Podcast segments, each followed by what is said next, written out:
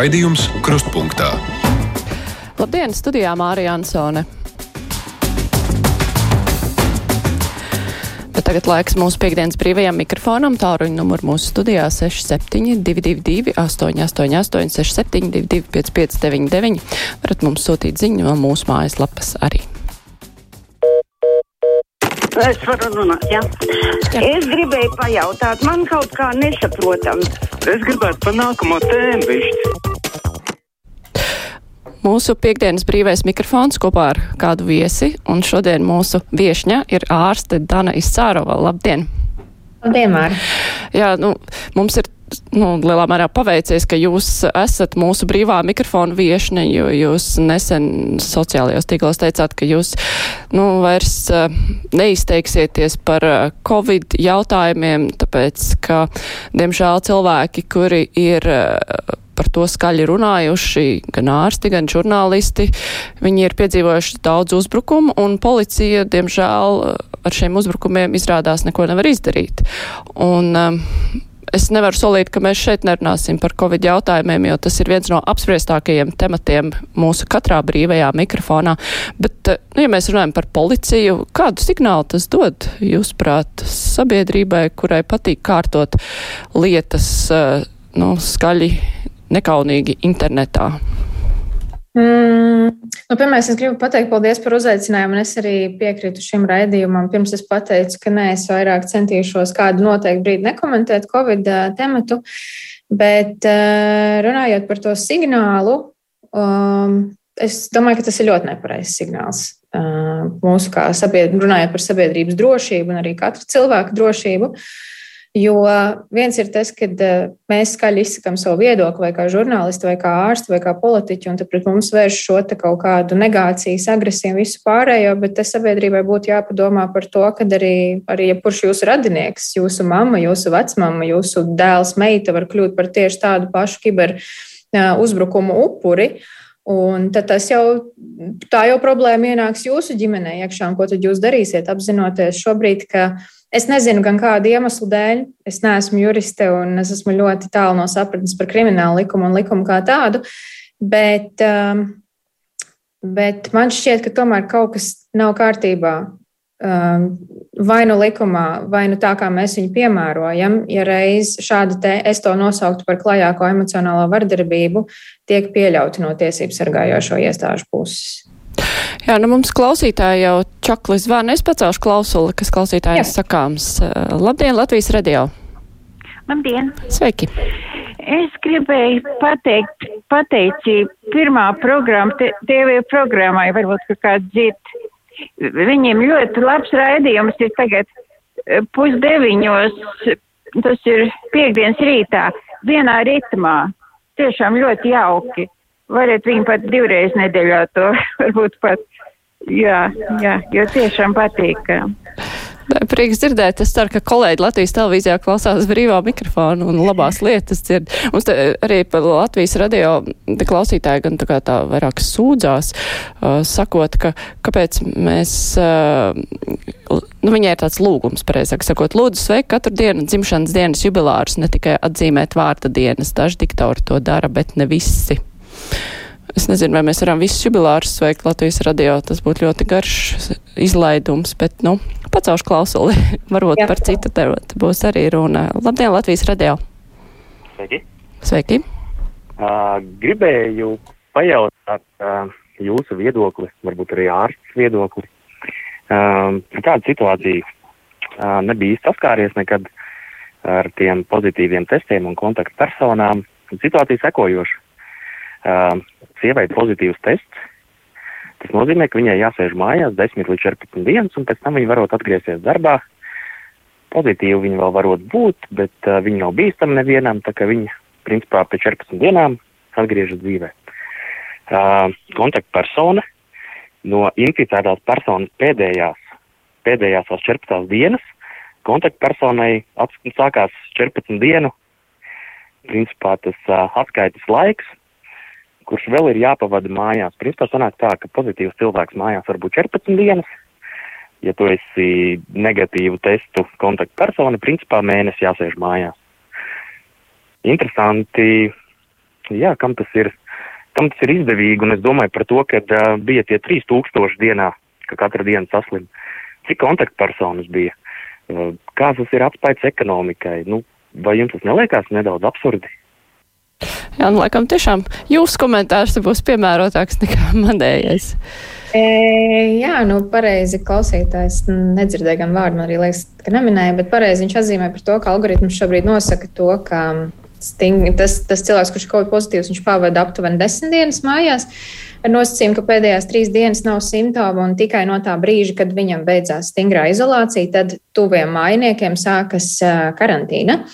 Kāpēc tas tā ir? Tas ir tāpēc, ka cilvēks līdz tai desmitajai dienai joprojām to vīrusu var izdalīt, Un uh, cilvēks arī tajā pēdējā stingrās izolācijas dienā var inficēties. Nu, respektīvi, ja kurš cits mājinieks, kurš tajā brīdī nav covid pozitīvs. Un pēc šī brīža algoritma tiešām tā sanāk, ka tas cilvēks, nu, mājās es neteiktu, ka mēnesis viņš sēž, bet, nu, dienas 20 viņš minimāli atrodas. Uh, par to jautājumu, kam tas ir izdevīgi, nevienam tas nav izdevīgi, kā mēs redzam šobrīd Latvijas apstākļos, jo principā no šīs situācijas mēs varējām izvairīties ar mazākiem zaudējumiem, teiksim tā, jo mēs varējām izpildīt to mājas darbu, kas mums bija paredzēts savakcinēties, bet runājot, vēl bija kāds jautājums, kurus, diemžēl, piemirsu par tev kontaktpersonu skaitu, kas bija 3000. Tur gan es nemācēšu atbildēt. Tas ir jautājums SPKC epidemiologiem, bet, nu, Vismaz, ja mēs parēķinām, nu, ja mēs tā pieņemam, rupi sakot, ka katram cilvēkam ir vēl divi mājnieki, rupi rēķinot, nu, tad ir vēl 6000 kontaktpersonas, kurām ir jāsēž mājās. Bet, diemžēl, tā situācija ir tāda, kāda viņi ir. Nevienam tas nav izdevīgi, bet, lai samazinātu infekcijas izplatību, mums ir nepieciešams kontaktpersonas paturēt mājās to nosacīto laiku. Tā ir. Labi, ceļu klausulī. Labdien, Latvijas radio. Halo. Labdien. Esat ēterā, sveiki! Es, es jums zvanu pirmo reizi, bet man atgādina kruspunkts šito trīs stānu runāšanu uz, uz soliņu parkā. Papļāpā, papļāpā, Jansona kundas priekšgalā, un nekas tas nenotiek. Man sakot tikai, un pēc tam notiek tā tērēšana nodokļu maksātāju naudu. Kam tas vajadzīgs? Tieši tukšie žurnālisti, kur tur pļāpā. Mm -hmm. Tukšie žurnālisti laikam bija domāts par mūsu piekdienas diskusijām kuru žurnālisti apspriež nedēļas aktualitātes, bet, nu, gaumas lieta, kam patīk, kam nepatīk.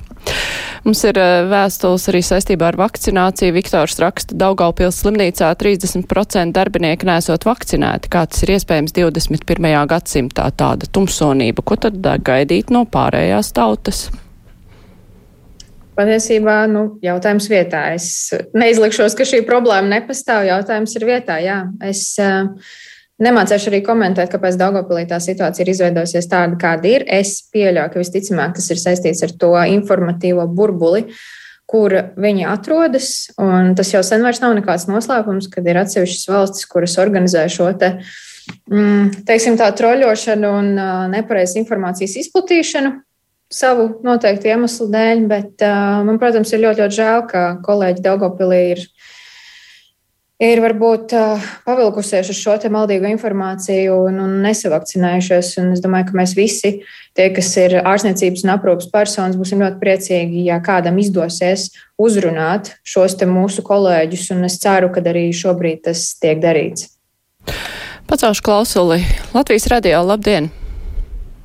Labdien! Labdien.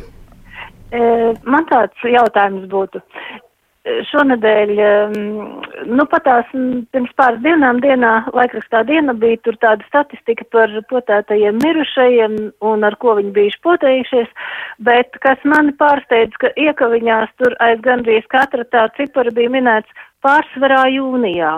Nu, tad kā dakteri to komentē? Kas tad eh, tās pa potēm bija jūnijā, ja šie oktobrī mirušie potētie pār, pārsvarā jūnijā potējušies?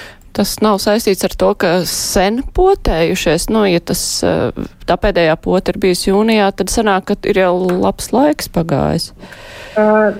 Ziniet, kā ir tā, ka man nav īsti saprotams, kas ir domāts ar pārsvarā jūnijā. Vai viņi pārsvarā jūnijā, vai, vai tur rakstīts, ka pārsvarā jūnijā potējušies, vai pārsvarā jūnijā ir miruši? Tas ir mans pirmais jautājums. Es neesmu redzējis. Es sapratu, ka potējušies, bet es neesmu redzējis, to konkrēto ziņu tā kā grūti ir komentēt. Jā, nu, Jebkurā gadījumā visi arī tie nāves gadījumi, ja es tā varu noiet no tēmas, jo es konkrēto mm, attēlu neesmu redzējis, nemācēšu precīzi nokomentēt, bet eh, nu, vakcīna jau principā nepadara cilvēku nemirstīgu.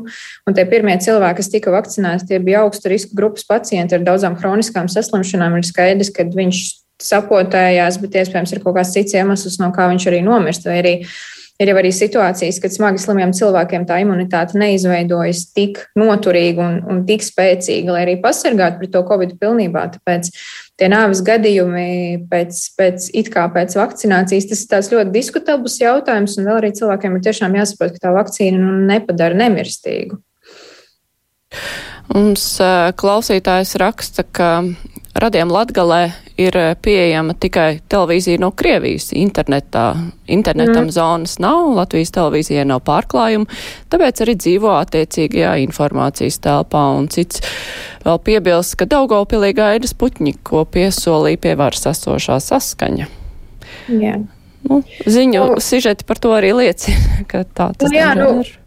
Tā, tā tas ir. Un, un man, man, man no tiesas ir ļoti žēl, ka varbūt kaut kādu savu principu dēļ mēs to Latvijas reģionu esam atstājuši. Nu, man jāsaka, klāta novārtā.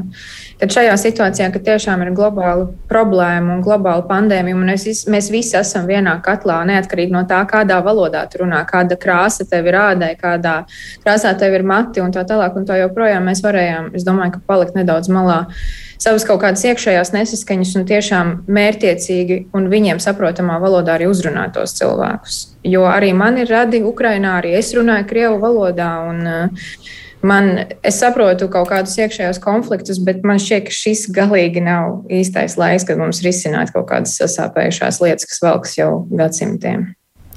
Ceļu klausuli. Labdien, Latvijas radio! Labdien! Halo. Jums ir, sveiki, jums ir mazliet jāattālinās no radioaparāta, laikam. Un jārunā, protams. Nu, nu tagad var runāt. Jā, lūdzu.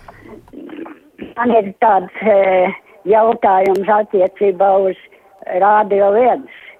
Katru, katru rītu tāp no pusseptiņiem līdz septiņiem atskan tāda frāze Latvijas radio ziņu dienests pēta. Vai tad tagad arī pētnieki būs jāsauc par pētniekiem?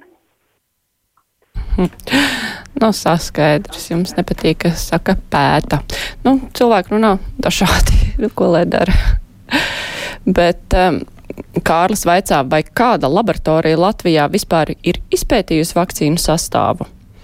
vai kādai laboratorijai Latvijā būtu jāpēta vakcīnu sastāvs, kā jums šķiet? Nevienai laboratorijai Lat vakcīnas sastāvs nav jāpēta. Viņš ir La Eiropas zāļu aģentūras un arī uh, Food and Drug Administration, kas ir uh, Amerikas iestādē apstiprināts un izpētīts un, un pārbaudīts. Un vēlreiz pārbaudīt to Latvijas laboratorijās absolūti neredz nekādu vajadzību, jo visas sastāvdaļas, kas ir vakcīnā iekšā, viņas ir ierakstītas lietošanas instrukcijā, un tās visas var arī apskatīt internetā. Pacaušu klausuli. Labdien! Latvijas radio! Labdien! Labdien! Labdien. Nu, Latvijas radio ļoti daudz tērē laika un arī naudas aktualizējot to jautājumu par Covid. Nu, es domāju, ka, kad tas Covid beigsies, jūs varētu tikpat intensīvi un aktīvi runāt par palmu eļļu, ko izmanto pārtikā. Un no šīs, šī piedevas produkta piedevas. Eh, ļoti daudz cilvēku slimo un tā mirstība not, notiek ne nedēļas mēneša laikā, bet gan vairākus gadus. Un vairāk daudz cilvēku arī no viņas cieš no šīs piedevas. Starp citu, esam arī runājuši par palmu eļu un vispār par uh, transtauku skābēm. Īpaši tā, ka bija runa par to, ka vajag samazināt uh, pārtikā jau tā uh, ar likumdošanas palīdzību. Tā kā tā nav, ka par to nerunājam, bet, nu, par covidu taču ir jārunā, nu, nevar nerunāt. Nu, kā? Jā, par, ko, par ko gan citu tagad runāsim, ja par moderno saslimšanu. Tā viņš, diemžēl, ir. Nu, ir jāņem arī. Um, es, es arī saprotu, varbūt tos pārmetumus no sabiedrības par to, ka šķiet, ka nekādas citas slimības problēmas un, un veselības lietas nenotiek. Bet, uh, lieta ir tāda, ka tas covid ir pārāk globāls, un tas, ka mēs viņu ignorēsim un it kā novērsīsim uzmanību uz citām veselības problēmām, kuras ir aktuālas, neviens nesaka to, ka kāda cita slimība ir mazāk nozīmīga. Tas nenozīmē, ka covid pazudīs. Un uh, ir skaidrs arī saprotams, ka cilvēkiem jau ir apnicis par to visu runāt un to visu dzirdēt. Arī mums kā mediķiem ir jau diezgan ļoti tiešām emocionāli nogurdinoši ar to visu strādāt, bet uh, ja mēs šādi šķelsimies un nespēsim viens otru uzklausīt, mēs arī, diemžēl, tai pandēmijai pāri netiksim nekādā veidā. Pacelšu klausuli. Labdien, Latvijas radio! Labdien! Sveiki! Esat ēterā. Un kāpēc es jūs vairs te dzirdu? Jā, dzirdu gan. Sveiki! Jā, labdien! Labdien! Tā, es atgādināšu, varbūt, kas aizmirsuši neseno vēsturi. ka Latvija ir neatkarību atguvusi jau, jau 30 gadus, un latviešu valoda kā valsts valoda bija no 1989. gada, un es e, nesaprotu, kāpēc cik ilgi var malt vienu un to pašu cik mēs ilgi auklēsimies ar, ar Latvijas krieviem un Latvijas krievalodīgiem. Nevajag uzskatīt viņus par kaut kādiem grūtgalviem, ja smagalviem. Tagad arī šī raidījumā atkal viņiem vajag speciāli pieeja. Ja viņi nevēlas, tad nevēlas, tad neko nepalīdzēs, nekāda uh, vakcinēšanās, ne Daugopilī, ne Zilupai, kad viņi lielākā daļa orientēti ir uz, uz Maskavu, uz Kremlu, uz vadoni, uz vadoni Vladimiru Putinu. Nevajag taču visu laiku malt vienu un to pašu. Nu, nu, nu tie krievi un krievalodīgie, kas Latvijā dzīvo, lai viņiem piemēri no bērniem, no krievu jauniešiem, eh, kaut vai sporta jomā, paskatieties, piemēram, eh, Latvijas futbola klubos un arī mm, Latvijas futbola izlasē, tu taču spēlē ļoti daudz krievu un krievalodīgie, un paklausieties, kādā izcilā, izcilā latviešu valodā viņi runā intervijās, ja, paņemiet no izcilā žurnālisti, kas tagad strādā Latvijas eh, televīzija LTV1, cik, vie, cik vienreizē izcila augsta uh, latviešu valodas prasme ir, uh, kā bija Iļam, Iļam Kozinam, ja? un tādus piemērus var minēt daudz un daudz un beidziet maltu vienu un to pašu, ka viņiem vajag nezinu kādu speciālu pie, pieeju, nevajag viņus pazemot un, un padarīt viņus par kaut kādiem piedodiet stulbiņiem. Paldies! Jā, nu man gan šķiet, ka nu, tomēr te drusciņi sajauktas divas lietas. Es par jauniešiem pilnīgi nestrīdos, jo viņi tiešām ļoti labi runā latviešu valodā, integrējās, bet tur pie bērniem var redzēt, ka viss notiek, bet, diemžēl, nu, šobrīd mēs redzam integrācijas, tieši vecākās paaudzes integrācijas nesamības, sekas tā, nu, tā ļoti sāpīgi uz savas ādas, un tas ir kļūst par dzīvības un nāves jautājumu, jo viņi jau nevar slimot uh, ārpus Latvijas kaut kur. Viņi slimo tepat blakus un slimo arī vispārējie. Nu, tā. Tieši tā, un arī vēl ir tas, ko es no savas prakses varu pateikt, to, ka es galīgi neesmu principiāli tajās situācijās, ja cilvēks, kas ir man pretī, runā par pacientiem, ja viņš nespēja labi runāt tajā latviešu valodā, un ja viņš arī līdz galam nesaprot to latviešu valodu, man kā ārstam svarīgākais ir saprast, kas viņam sāp vai kas viņam ir grūti, un viņam attiecīgi palīdzēt. Un tur es vēlreiz saku, nav nozīmes valodai. Neviens arī nesaka, ka viņi ir grūtkalvi vai kā citādāk, vai mums tagad ir pilnīgi jānoguļas viņu priekšā, un es nezinu, vēl uz zelta paplātīts, viss jāpasniedz. Un tā tas arī galīgi nav. Bet šajā situācijā, kuras vēlreiz saku, kur Covid nešķiro, vai tu esi krievs, vai tu esi latviečs, vai tu esi nu, no jebkuras citas nacionalitātes, vai, tad nu, mums ir nedaudz jāpaliek malā kaut kādi savu principiāli uzskati. Mums ir tiešām svarīgi saglabāt gan cilvēku veselību, gan drošību, gan arī valsts drošību kopumā. Klausītājs Andis raksta no Latgales. Viņam esot apnicis jau klausīties to veco maļamo, ka Latgala dzīvo Krievijas informatīvajā telpā. Nu un, vai varat kaut vienu piemēru minēt, kur Krievijas mēdīja aicinātu nevakcinēties? Bet es arī pirms tam lasīju to vēstuli, ka ļoti daudz gaida Sputņiku, bet Sputņika te nav, jo Sputņikas nav reģistrēts. Un, Nav reģistrēts tāpēc, ka Eiropas Savienībā ka nav iesniegti visi nepieciešamie dokumenti, ja es pareizi atceros. Jā, jā, jā, tieši tāds arī ir. Es arī, es teikšu atklāti, es nepatērēju ne ļoti daudz ziņas no Krievijas mēdīju telpas un arī no Latvijas mēdīju telpas. Es cenšos izvairīties šobrīd saistībā ar pārslodzi. Es nevarēšu, nemācīšu teikt, vai viņi aicina nevakcinēties, bet no Krievijas ļoti daudz arī nāk visādi it, it kā speciālistu video, kur viņi stāsta par to, ka vakcīnās ir sazinkas iekšā un ka viņas mūs visus transformēs. Un patiesībā man kā cilvēkam, kurš atspēkoja un iespējams kādreiz vēl atspēkos mītus, Parasti krieviski rakstītie teksti vai arī video bija visvairāk atsūtīti ar lūgumu tos komentēt, vai tiešām tā ir taisnība vai nē. Un, ja es nemaldos, arī nesen bija raksts par to, ka atkal, es negribu visu tā kā tikai uz Krieviju novelt, bet bija viens tas raksts par to, ka Krievija ļoti mērķiecīgi sēž šīs šaubas tā kā uh, Brietuma Eiropā un arī visās pārējās valstīs. Es nezinu, ar kādu mērķi. Politika, es atkal saku, no politikas esmu ļoti tāla, bet nu, tas notiek. Un to nevar vienkārši tāpatās ignorēt. Ceļu klausuli Latvijas radio. Labdien! Labdien! Sveiki! Man sekojošs jautājums, kā nodokļu maksātājiem. Robežu iekārtošana pie Baltkrievijas robežas. Bija tagad, tagad ir pagaidu žoks un pēc tam būs pamata žoks. Bet tajā pašā laikā īgatis noliktavās stāv gatavs žoks un kāpēc viņi nevarētu pirkt? Vai neiznāks tā, ka tas pagaidu žoks un tas mm, pamata žoks iznāks dārgāks par to īgatis žogu? Nu, jā, tur ir grūti komentēt, bet uh, tas žoks, tas tās dzeloņas stieples, kuras mēs redzam televīzijā, tās gluži pilnīgi noteikti ir krietni ātrāk uzli, uzliekamas nekā pastāvīgais žoks. Tas jau ir tas ātrais variants, kā mēģināt kaut kā norobežot valstis. Klausītājs raksta, esmu dzirdējis, ka Sputņika ir nozakta AstraZeneca vēl līdz galam neizstrādātā versijā. Vai jūs to varat komentēt? Es arī to esmu dzirdējis, bet man nav ne mazākās jausmas, cik patiesa tā informācija ir. Uz visu informāciju, ko es redzu internetā, es skatos ar ļoti lielu skepticismu līdz brīdim, ka man nav tieši pierādījumi par to, ka tas, ka tas tā ir bijis. Bet jā, es arī esmu dzirdējis šādu versiju. Bet, nu, katrā ziņā tās vakcīnas pēc sava tipa ir līdzīgas. Jā, tāpēc, ka tas ir arī jau zināms, zinām tehnoloģija. Uh, Un, uh, es pišķiņu paturu prātā par to, ka tā ir arī nedaudz kaut kāda spekulācija, varbūt dezinformācijas izplatīšana, jo nu, tā viss, es, kā jau minēju, tā ir zināma tehnoloģija un iespējams, ka Krievija arī vadījās pēc uh, jau zināmiem priekšrakstiem, un iespējams, ka arī viņiem bija sagatavotas jau kaut kādas vakcīnas gadījumiem, ja nu notiks stunda X, kura tagad ir notikusi. Tāpēc es saku, es tā ļoti 50 uz 50 vērtēju šo informāciju. Iespējams, tā ir taisnība, iespējams, tas nav. Man nav nekādu datu vai pierādījumu, kas to varētu apgāst vai apliecināt. Klausītājs zvana. Labdien, Latvijas radio! Jā, labdien! Es par tām blaknēm.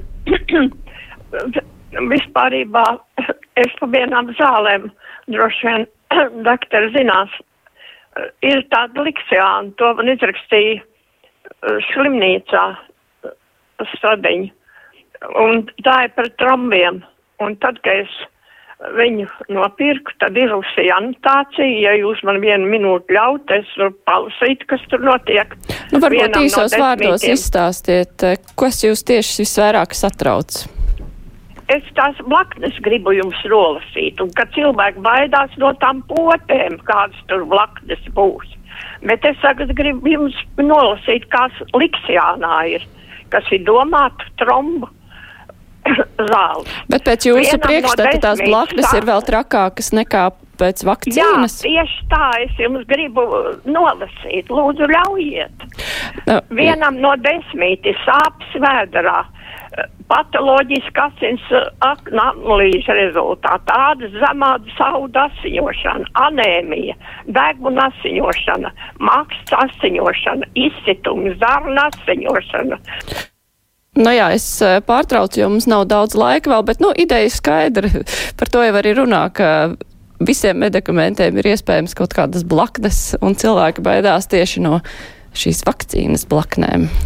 Mm, tas, ko es varu papildināt dāmai, kur runā, ir absolūti taisnība. Mums ir jāatcerās arī tas, ka, pieņemsim, visi medikamenti, kas tiek reģistrēti attiecībā uz viņiem patiesībā tas pieļaujamo blakņu daudzums ir ievērojami lielāks nekā uz vakcīnām. Vakcīnai ir jābūt ļoti augstam šīm drošības profilam, lai viņi vispār izietu cauri reģistrācijas sistēmai, jo tādas blaknes kā tur maksas asiņošanas un visas pārējās lietas, kas tur būtu, ja tas būtu daudziem, vienam no desmit vai vienam no tūkstoši, tādu vakcīnu cauri reģistrācijas procesam nemaz neizlaistu. Savukārt klausītājs Zane grib zināt, kādi jūsu praksē ir biežākie vakcinācijas pretargumenti? Uh, visi tie paši. Viņi patiesībā, es teikšu, godīgi, viņi pat tiem gadiem, ko es nodarbojos ar mītu atspēkošanu, viņi nav ļoti dažādojušies. Protams, saistībā ar jauno mRNS tehnoloģiju nācis klāt tas stāsts par to, ka tas izmaina ģenētisko kodu. Bet visbiežākais šobrīd noteikti ir tas, ka tā saslimšana nav nemazām tik nopietna, ka vakcinētie tik un tā slimo. Un joprojām ir arī tie paši mīti par to, ka mRNS ir neizpētīta vakcīna, tā ir eksperimentāla vakcīna. Manā skatījumā tie ir tādi visbiežākie, kas šobrīd klejo. Bet par to, ka vakcīna izraisa neauglību un onkoloģiskas saslimšanas, tas ir visām vakcīnām piedāvāts, un nekas no tā ar iepriekšējām vakcīnām, kuras mēs jau sen izmantojam, nav pierādījies. Ceļu klausuli, labdien! Latvijas radio! Labdien! Sveiki! Labdien. Sakiet, lūdzu, Māra, kāpēc jūs piekdienās vienmēr aiciniet dezinformatorus, mēļus, kangarus, kolaborantus? Un es jums jau atgādināju, ka jūs uzņematies konkrētu atbildību pati personīgi pār genocīdu pret latviešu tautu. Mm -hmm. Skaidrs, paldies par viedokli. Jā, ko lai es saku? Es tādus cilvēkus neaicinu uz Latvijas radio, kas tika nosaukti. Bet, nu, Jā. Nu, tas ir, nu, tas ir man, man ir visādas iesauksmes bijušas, tagad es būšu arī dezinformators. Nu, paklausīsimies vēl klausītājs zvanu. Labdien! Labdien, Māra, varu runāt? Jā, lūdzu. Man ļoti īsti centīšos tādu problēmu jums kā med, žurnāliste un mediķim komentēt. Ļoti par informācijas samērību. Cik daudz runā par to, kādas, uh, nu, un, un tā informācija, cik cilvēki nomirst ar covid, uh, kaut gan skaidri zināms, ka tur ir entās blakus saslimšanas, bet nu, mums viņi rādās tā kā Covid uh, nopļautie. Ja? Un otrā pusē mums ir absolūti neiespējama noskaidrošanas misija. Ja cilvēks pēc vakcinēšanās nomirst un, nu, un tas izpētes ceļš, vai viņš tiešām vakcīnas ietekmē nomira vai slimības, ir tāda bedre, Eh, klausoties un lasot, un tas cilvēkos patiesi rāda bažas. Īpaši, ja mums tuvumā ir nomirusi sieviete nākamajā dienā pēc vakcinēšanās, un redzot tādi kādi poncija un pilāta krusta ceļi jāsteigā, lai noskaigātu, noskaidrot, vai tiešām viņi nomira tāpēc, un ir pamatotas bažas patiešām, ka tāpēc. Jā, nu, Cik eh, daudz cilvēkus eh, patiešām interesē, nu, cik nopietni tiek izvērtēts, ja ar cilvēku kaut kas notiek pēc vakcinēšanās, nu, kā, ir, kā var pārbaudīt, kas tas tāds bija, kāds bija iemesls?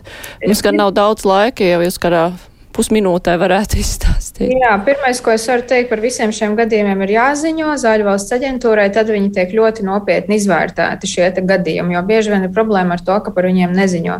Nākamā ir tāda lieta kā datu aizsardzība. Tas, kad kādam kāds kaimiņš iespējams nomirs no vakcīnas, neviena iestāde jums šādu informāciju nesniegs par cilvēka veselības stāvokli, jo tā ir vienkārši Eh, datu aizsardzība kā tāda. Mēs nevaram visai pasaulē stāstīt par to, kādas veselības problēmas ir bijušas šim cilvēkam, jo likums to vienkārši aizsargā.